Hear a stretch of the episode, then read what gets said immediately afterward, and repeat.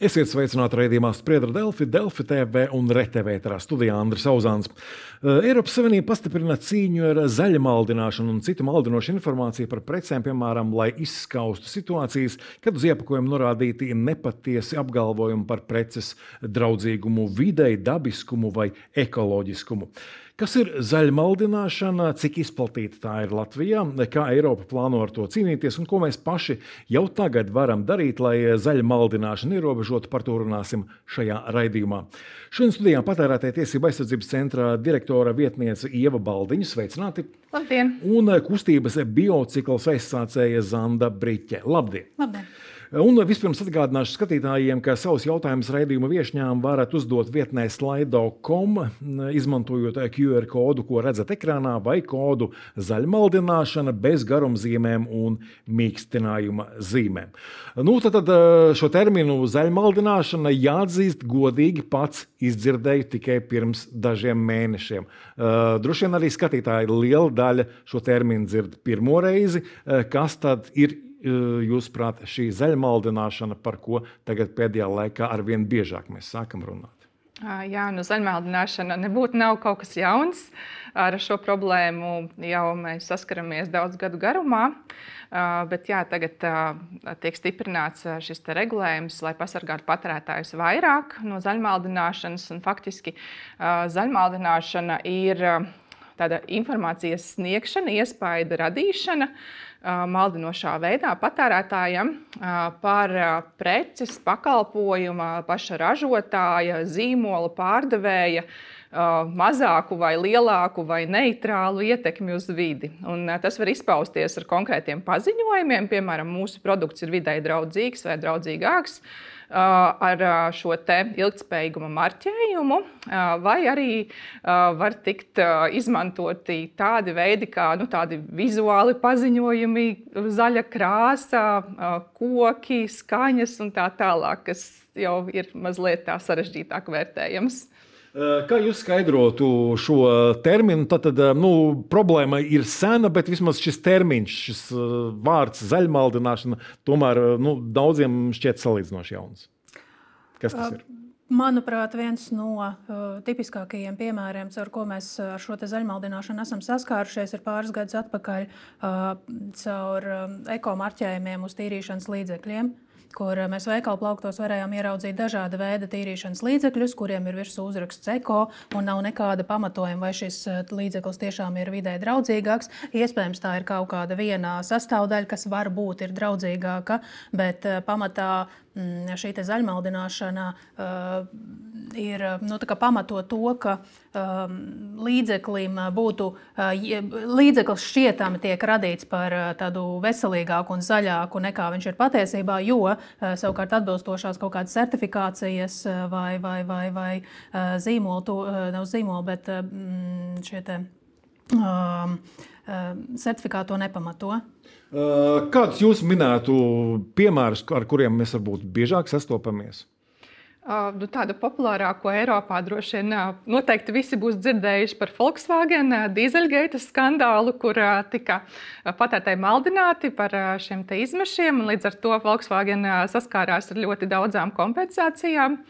Un, uh, Latvijā varbūt tāds uh, zināmākais zaļmādināšanas gadījums ir šis memorija vatara gadījums, kad uh, ūdens uh, tika pozicionēts kā bioūdens, uh, lai gan nu, tas certifikācijas process bija ļoti necaurspīdīgs un faktiski nu, nebija iespējams pierādīt, ka uh, šis ūdens ir kaut kādā ziņā bioloģiskāks vai zaļāks. Bet uh, mēs arī kā patērētāja tiesība aizsardzības centrs uh, sadarbībā ar citu valstu kolēģiem esam veikuši vairākus tādus izpētes pēdējo gadu laikā. Tajā skaitā arī attiecībā uz sadzīves ķīmijas produktiem, tekstilu izstrādājumiem un kosmētiku. Un, tur jātik tiešām visdažādākie šie te, maldinošie paziņojumi tika konstatēti. Visvairāk jau tas, ka bez pamata tiek tādi teikti tādi vispārīgi paziņojumi, kā vidēji draudzīgs produkts, dabisks Uh, eko, uh, nezinu, iepaka, iepakojums ir vidē draudzīgāks, lai gan produkts uh, absolūti nav vidē draudzīgs. Un, nu, izmantoti tādi dažādi manipulācijas paņēmieni, lai iespējams patērētājs izvēlētos šo te, uh, produktu. Vai arī tādas situācijas, ka patērētājs nu, par šādām situācijām sūdzas un ziņo, vai, vai arī gluži otrādi ir tā, ka nu, tas, kas ir uzrakstīts, visi tam tic, un patērētājiem ir vienkārši grūti pārbaudīt to, vai tas, kas ir uz preces rakstīts, atbilst patiesībai. Patiesībā patērētājiem ir grūti pārbaudīt, bet tālāk droši vien runāsim, kā to izdarīt. Tas, tas tik traki nav. Bet jā, mums patiesībā nu, praktiski nav sūdzību. Un, nu, Grūti pateikt, kāpēc. Varbūt Latvijas patērētājs nav tik ļoti ieinteresēts kā citās valstīs iegādāties vidē draudzīgākus produktus. Varbūt vēl šī joma ir pavisam jauna Latvijas patērētājiem. Varbūt vienkārši tas fokus ir uz zemāku cenu, nevis produktu ietekmi uz vidi. Arī tā var būt. Ja runājam par zaļmaldināšanas piemēriem, es skatos, ka šie piemēri jums vismaz ir līdzi. Jā, mēs pēdējos gados daudz esam strādājuši tieši attiecībā uz bioatkritumu šķirošanu un to, kā sašķirot šos bioloģiskos atkritumus, lai savukārt šis komposts ir pārstrādājams, jēgpilns, izmantojams un tā tālāk. Un, no tā savukārt ir ļoti lielā mērā atkarīgs tas, kamā mēs šos bioloģiskos atkritumus šķirojam. Tāpēc mēs lielu vērību pievēršam tieši biomaisiņiem arī tā skaitā biomaisiņiem, kas ir pieejami, bet tajā pašā laikā mums arī ir klasiskās plasmasas maisiņi, uz kuriem šie uzraksti ir mulsinoši. Viens ir tātad, tas, kā mēs varam atšķirt šo biomaisiņu vienu no otra un saprast, ka tieši šis biomaisiņš ir atbilstošs standartām, nesatur mikroplasmasu un nesatur, piemēram, smagos metālus. Un otrs attiecībā uz šiem klasiskajiem maisiņiem, šie uzraksti, kas ir piemēram, viņš ir recyclable vai viņš ir ražots no pārstrādātās plasmas, šie uzraksti tiešām ir ārkārtīgi mulsinoši. Tāpēc man likās uh, pareizi uh, ņemt šos paraugus līdzi, paskatīties, kas ir uh, piedāvājumā, un tad, tad caur šo parastā patērētāja prizmu, kas ir tas, ko cilvēks parastais var ieraudzīt veikalā, ķidāt šos piemērus. Un tad, kā mēs varam saprast, kas ir labi un kas ir slikti attiecībā uz šiem maisiņiem? Um, pietrūkst, man nevis pietrūkst, bet manuprāt, ir jāpievērš uzmanība tieši šai sabiedrības izglītošanai. Mums ir kaut kādā publiskā telpā vairāk jārunā tieši par to, kā atšķirt vienu piemēru no otra piemēra, respektīvi kompostējumu maisiņu no, no kaut kādas zaļmaldināšanas. Bet tas lielais patērētāju uzdevums ir pievērst uzmanību un uzdot jautājumus vai šis produkts, ko es redzu, kas ir piemēram for nature, uh, vai uh, viņš ir ilgspējīgs, vai uh, šis uzraksts ir maldinošs. Kam cilvēks var uzdot šos jautājumus? Es domāju, ka arī visticamāk šim patērētāju tiesību aizsardzības centram. Droši vien, ka būtu pareizāk vērsties pie ražotāja. Ražotāja informācijai būtu jābūt noteikti marķējumā. Uh, Bet to, kā cilvēki varētu atšķirt, kas ir vidē draudzīgāks, kas ir nedraudzīgāks, visvienkāršākais veids ir skatīties šo marķējumu. Ja tas, piemēram, ir šis pirmā tipa ekomarķējums, tad es teiktu, ka diezgan droši, kas ir ekopuķīte. Es skatos, arī tas zilais eņģelis ir uz viena, viena šī iepakojuma, un arī nu, šīs otrreizējās pārstrādes zīmes. Bet Uh, nu, tas, tas ir tāds vienīgais reālais, iespējamais veids, kā, kā patērētājiem pārliecināties, vai tas produkts ir vai nav vidē draudzīgāks. Jo šo pirmā tipa ekomarķējumu iegūt nu, ļoti grūti procesi ir jāiziet šim ražotājam, lai patiešām viņš dabūtu piemēram šo ekopuķīti vai ekocertu, piemēram, kosmētikai. Kā, nu, tas ir tas, ko, pēc kā es pati izvēlos, un mēs arī rekomendējam patērētājiem izvēlēties. Tas, ka tur rakstīts for nature vai, vai, vai tādi vispārīgi apzīmējumi. For, jā, tur vairāk for nature ir. Nu, tas noteikti neko nenozīmē. Un, un, nu, pat ar tiem tādiem vispār nevajadzētu skatīties. Tie izskatās pēc tādiem maldinošiem, nekonkrētiem paziņojumiem. Kāpēc varam uzskatīt, ka zaļmaldināšana tas ir slikti? Tāpēc, ka tā ir mā, mānīga iespēja radoša. Ja mēs vēlreiz atgriežamies pie uh, bioatkritumu šķirošanas, tad uh, tajā brīdī, kad mēs iepakojam, uh, kad, kad mēs kā patērētājs nopērkam šo maisiņu, kurš ir mānīgs, for nature, tas pats piemērs. Uh, un, uh, pēc labākās sirdsapziņas uzskatām, ka mēs esam izdarījuši labu darbu, mēs esam paņēmuši labu maisiņu, mēs esam sašķirojuši savus banānu mizas un uh, nodevuši šo te, šajā te atkārtotajā pārstrādē, lai uh, veicinātu aprits ekonomiku, lai veicinātu to, lai mums ir labs biokomposts. Un rezultātā, tad, kad mēs saņemam no tā paša atkrituma pārstrādātāja vai poligona, ka patiesībā tas darbs ir bijis veltīgs, jo tur ir plasmas pieaugumi. Um, tas uh, arī tā skaitā šajā sabiedrībā var radīt uh, tādu vilšanās sajūtu, ka priekš kam gan? Kāda jēga? Uh, vai atkritumu apsaimniekotāji arī kaut kā var uh, vērsties pret uh, šiem maisiņu nezinu, ražotājiem, izplatītājiem? Noteikti, neapšaubām. Um, Pirmkārt, šiem atkritumu apsaimniekotājiem pašiem ir jāsaprot, kas ir tas, kas viņiem ir pieņemami, kas nav pieņemami. Un šobrīd jau atkritumu apsaimniekotāji vairāk vai mazāk ir noteikuši kaut kādas vadlīnijas, kādos maisiņos drīkst šķirot. Un, un ir jāveic arī tā skaitā šīs izglītojošās akcijas, kampaņas, skaidrojošais darbs. Jo ir skaidrs, ka bioatkritumu šķirošana mums ir Latvijā sākusies nesen, un, protams, ka mums ir vēl, vēl vajadzīgs laiks, lai ieietos, lai saprastu, lai uh, trenētos un uh, lai gūtu šos pirmos panākumus.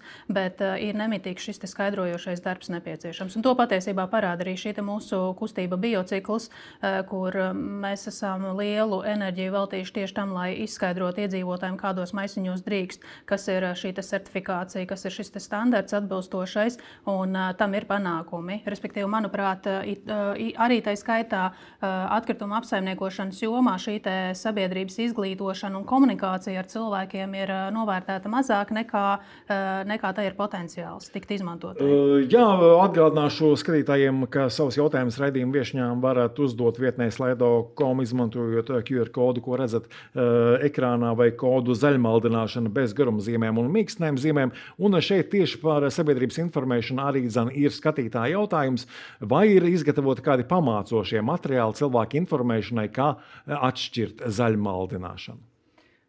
Jā, patērētāja tiesība aizsardzības centrs pēdējo gadu laikā ir, ir izstrādājis vairākus materiālus. Un, ja, un arī var atrast jūsu mājaslapā? Ir pieejami jā, mūsu mājaslapā, un tad es vēl vēlētos arī izcelt biedrības ekodizaina kompetences centrs veikto darbu. Viņi savukārt vairāk strādā tieši ar šo, te, šo te ekomarķējumu un popularizē šos ekomarķējumus, lai cilvēki skatās to, lai viņi spētu atšķirt šos vidēji draudzīgus draudzīgākos no pavisam nedraudzīgākiem produktiem. Par jums, vai jums ir kaut kādi publiski pieejami šie skaidrojušie materiāli? Jūs jau pieminējāt, ka acīm redzot, es nojaušu, ka tādi ir.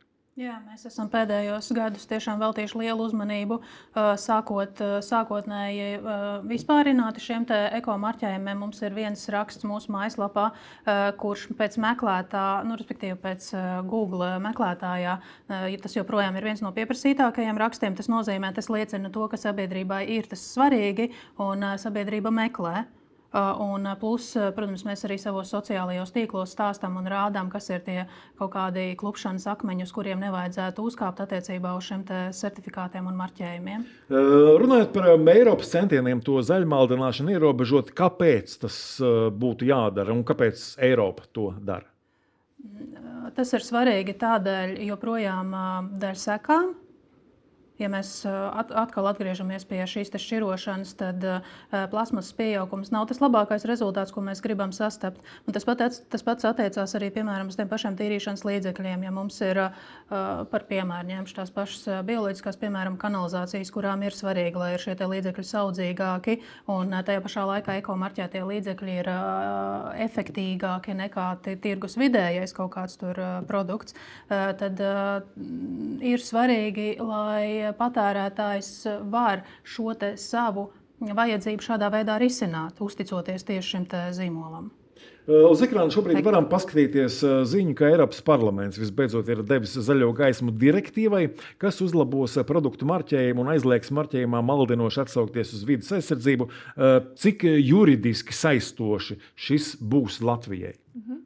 Tātad, jā, šī ir jauna Eiropas Savienības direktīva, faktiski, ar kuru tiek izdarīti grozījumi jau esošajā regulējumā, kas jau faktiski aizliedz maldināt patērētāju, tajā skaitā arī zaļmaldināšanu. Bet nu, šī direktīva konkretizē vairākas problēmas un pilnīgi noteikti palīdzēs gan uzraugiem, gan patērētājiem.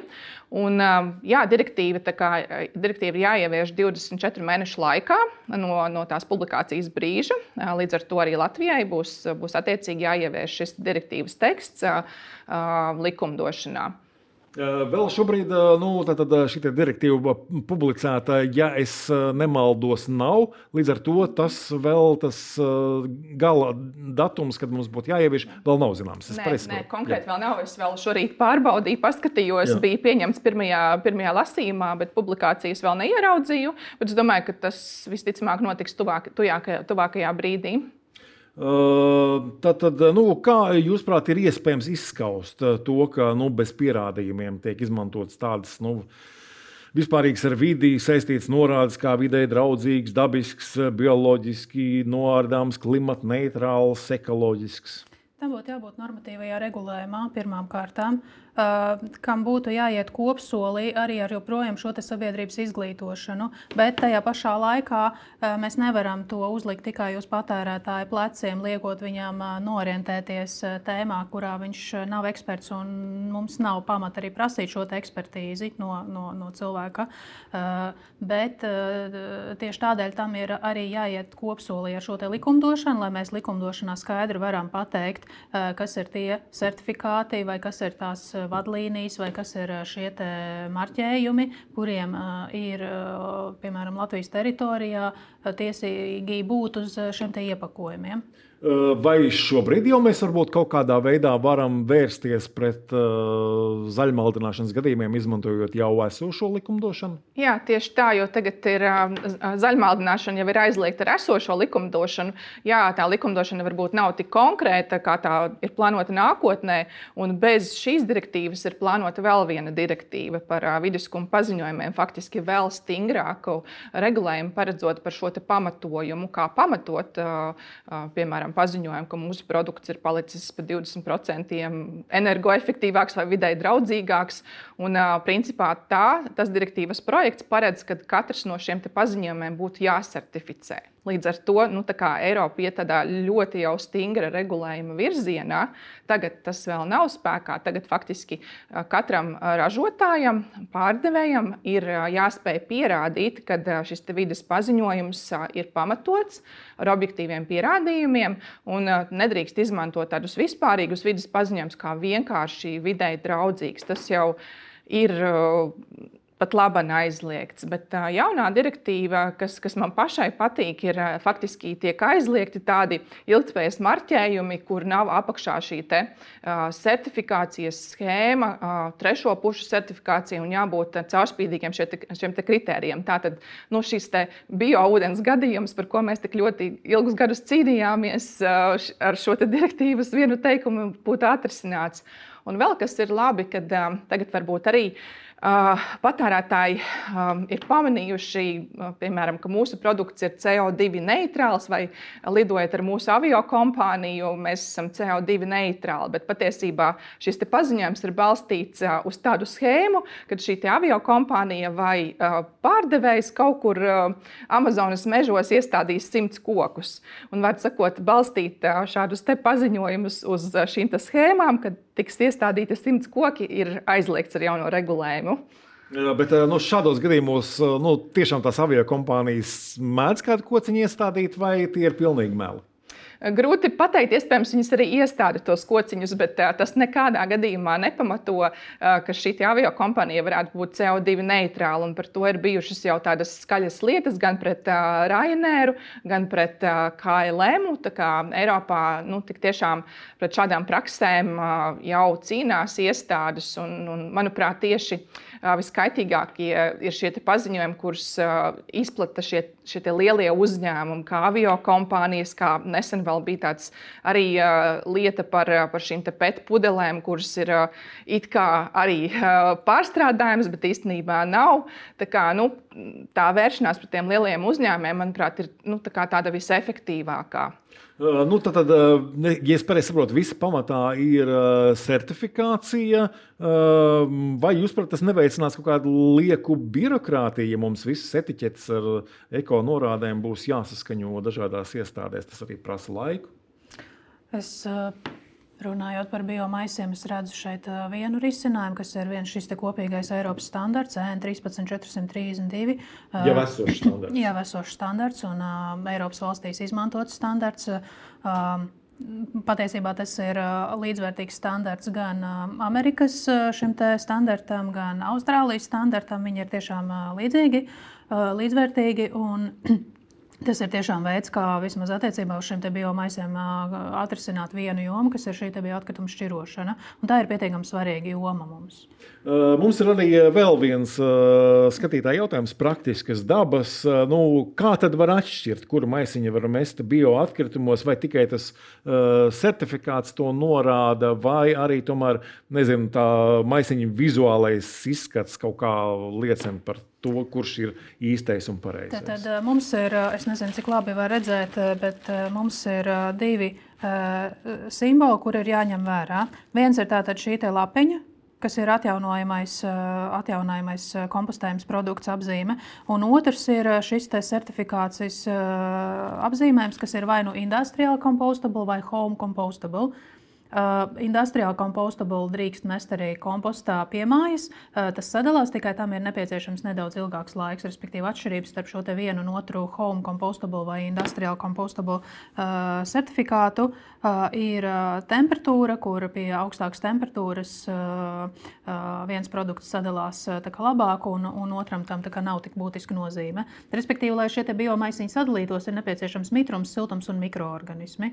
Un, šī ir tātad.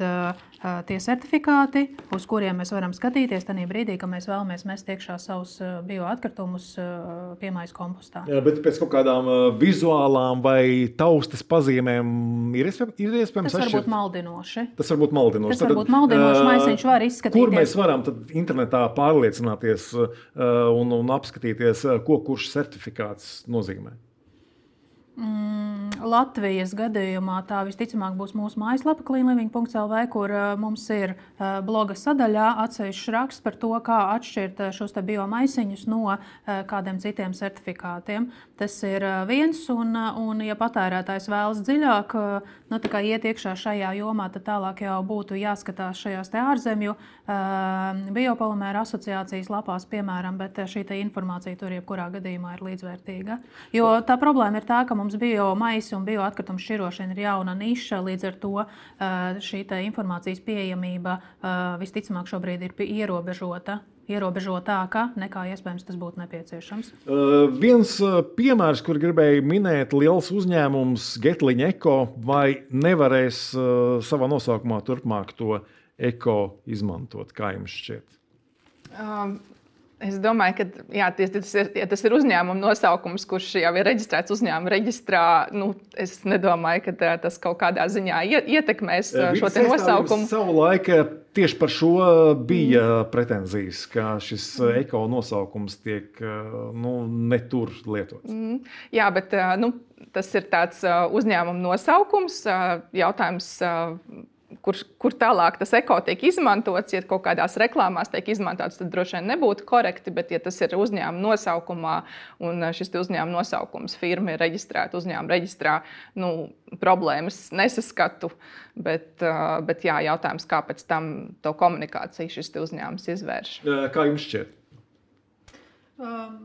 Es domāju, ka tas ir tas pats piemērs arī varētu attiekties uz mums, jo clean living ir tā pati tīra vide, kas var būt gan maldinošs nosaukums, gan arī atbilstošs mūsu kaut kādām vērtībām. Līdz ar to es nedomāju, ka uzņēmuma nosaukums ir tas, pēc kā vajadzētu vadīties attiecībā uz šo maldināšanas vai zaļmaldināšanas aspektiem. Tas noteikti nav īstais kritērijs. Vēl viens būtisks jaunās direktīvas mērķis ir panākt, lai ražotāji un patērētāji vairāk domātu par preču ilgmūžīgumu. Kā to fiziski ir iespējams panākt? Jā, jaunā direktīva paredzēs arī īpašu marķējumu, ko ražotājiem būs jānodrošina par, par preces ilgmūžību. Tātad, ja šis te garantijas termiņš pārsniedz šos 24 mēnešus, kas ir tāda, tāda likumiskā garantija, tad, jā, tad tur būs vienots tāds marķējums, kur arī, kuru patērētājs varēs atpazīt, attiecīgi izvēloties preces. Bet kopā ar šo regulējumu tiek izstrādāts arī vēl jauns regulējums par preces remontu garantējamību kur arī būs papildus prasības nodrošināt, piemēram, patērētājiem informāciju, kur to preci saremontēt. Nu, jāzara, ka tas nebūs tikai uz papīra, ka tas nebūs papildus viena lapiņa pie lietošanas instrukcijas, ka tiešām tas arī praksē strādās, kad patērētāji vairāk tiks mudināti izvēlēties labot preces, nevis iegādāties jaunas preces. Tā kā nu, šie priekšlikumi iet tā teikt roku rokā un nu, tā tā, tā doma jau ir ļoti laba. Cerams, ka tas arī uh, praksē tā arī īstenosies, kā Eiropa ir uh, iedomājusies. Kā jums šķiet, nu, ir šis ilgmūžīgums svarīgs tajā, lai mēs samazinātu to atkritumu daudzumu? Protams, jo par piemēru mēs varam paņemt uh, absolūti banālu piemēru. Man nu pat tās ir mobiliem telefonām ekrāns izbeidzies, un tas būtu ārkārtīgi iedzīgi, ja šo te mobilo telefonu nemaksājot tikpat lielu maksu, cik par jaunu telefonu, varētu to saremontēt, uh, nevis izmest ārā un palielināt šo atkritumu kalnu. Tam būtu ļoti liela pievienotā vērtība. Esošās tehnoloģijas to šobrīd uh, neparedz telefoni faktiski ir izjaucami tikai darbnīcā. Tad, Jā. Eh, kas būtu jāmaina? Eh, noteikti ir nepieciešams mainīt to, lai šie eh, elektrotehnikas būtu remontējamas, par, respektīvi šīs detaļas, lai būtu nomaināmas par, par jēdzīgu, nu, teiksim, to pašu samaksu, es gribētu teikt. Eh, gribēju minēt arī vēl vienu piemēru. Un, piemēram, uz eh, LED spuldzes iepakojuma rakstīts, ka eh, spuldze kalpos 25,000 stundu. Nu, kā to vispār ir iespējams pārbaudīt, un vai tas ir ticami? Nu, tas noteikti ir jāpierāda pašam ražotājam, kurš šādus apgalvojumus izsaka.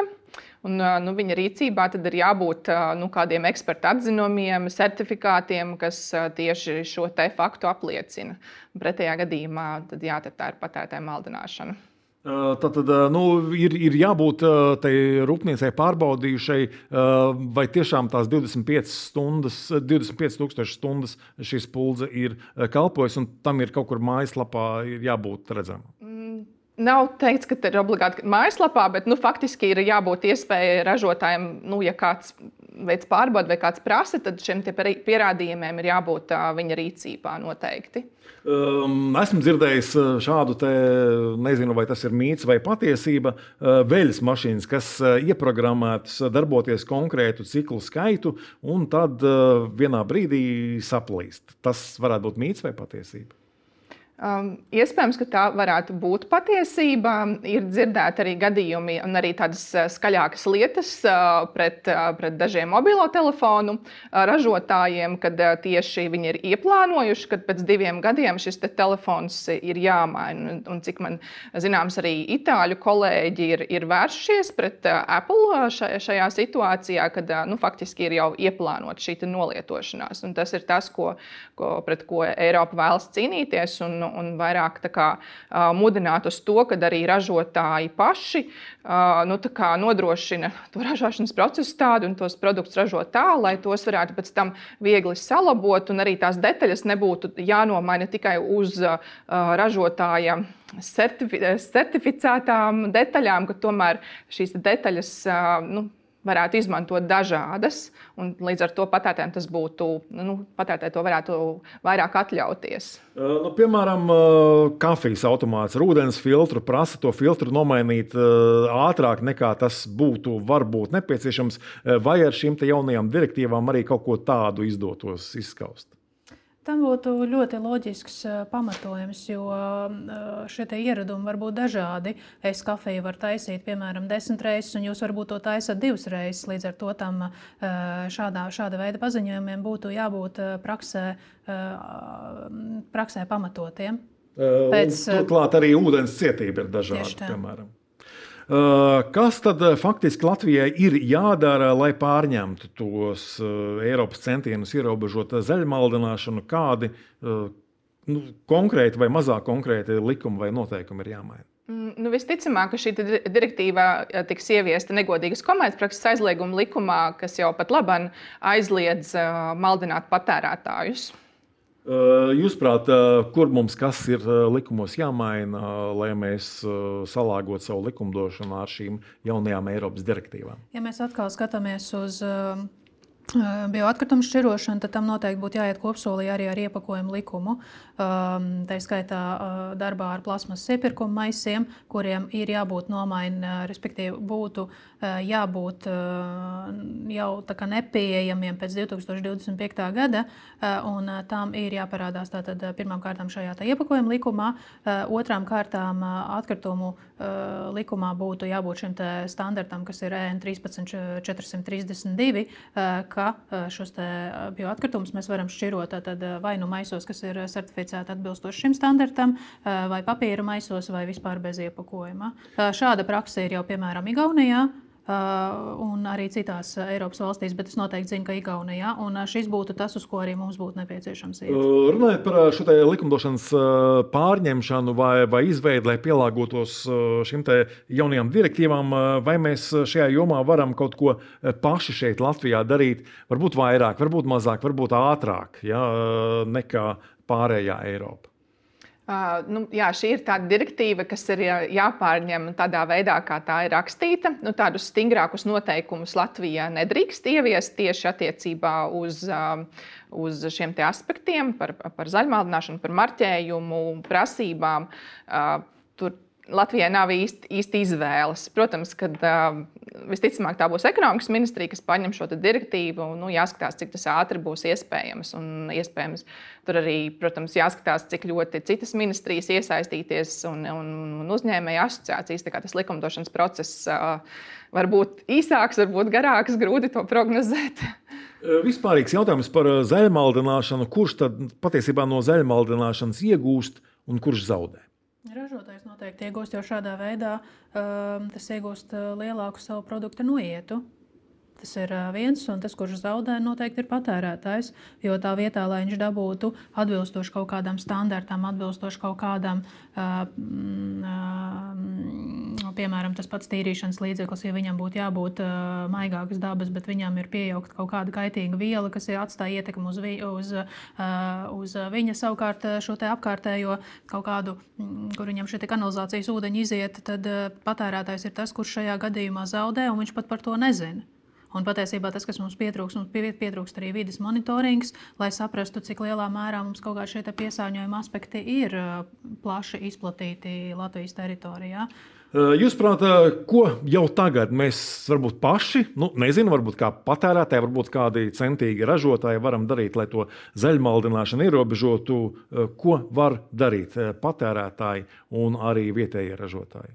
Patērētāji viennozīmīgi var, var jau tagad skatīties uz šiem te, uh, ekomarķējumiem, jo nu, pirmā tipa ekomarķējumi ir arī pie, pieejami. Šos var pārbaudīt, kurš tad ir tas pirmā tipa, kurš nē, un uh, izvēlēties tās preces, kas ir marķētas ar šo marķējumu. Un, attiecīgi, jā, kolēģi jau minēja par, par, par, šo, par šiem te, uh, plasmasas maisiņiem, arī pievērst uzmanību šīm, šīm zīmēm. Uh, un marķējumiem.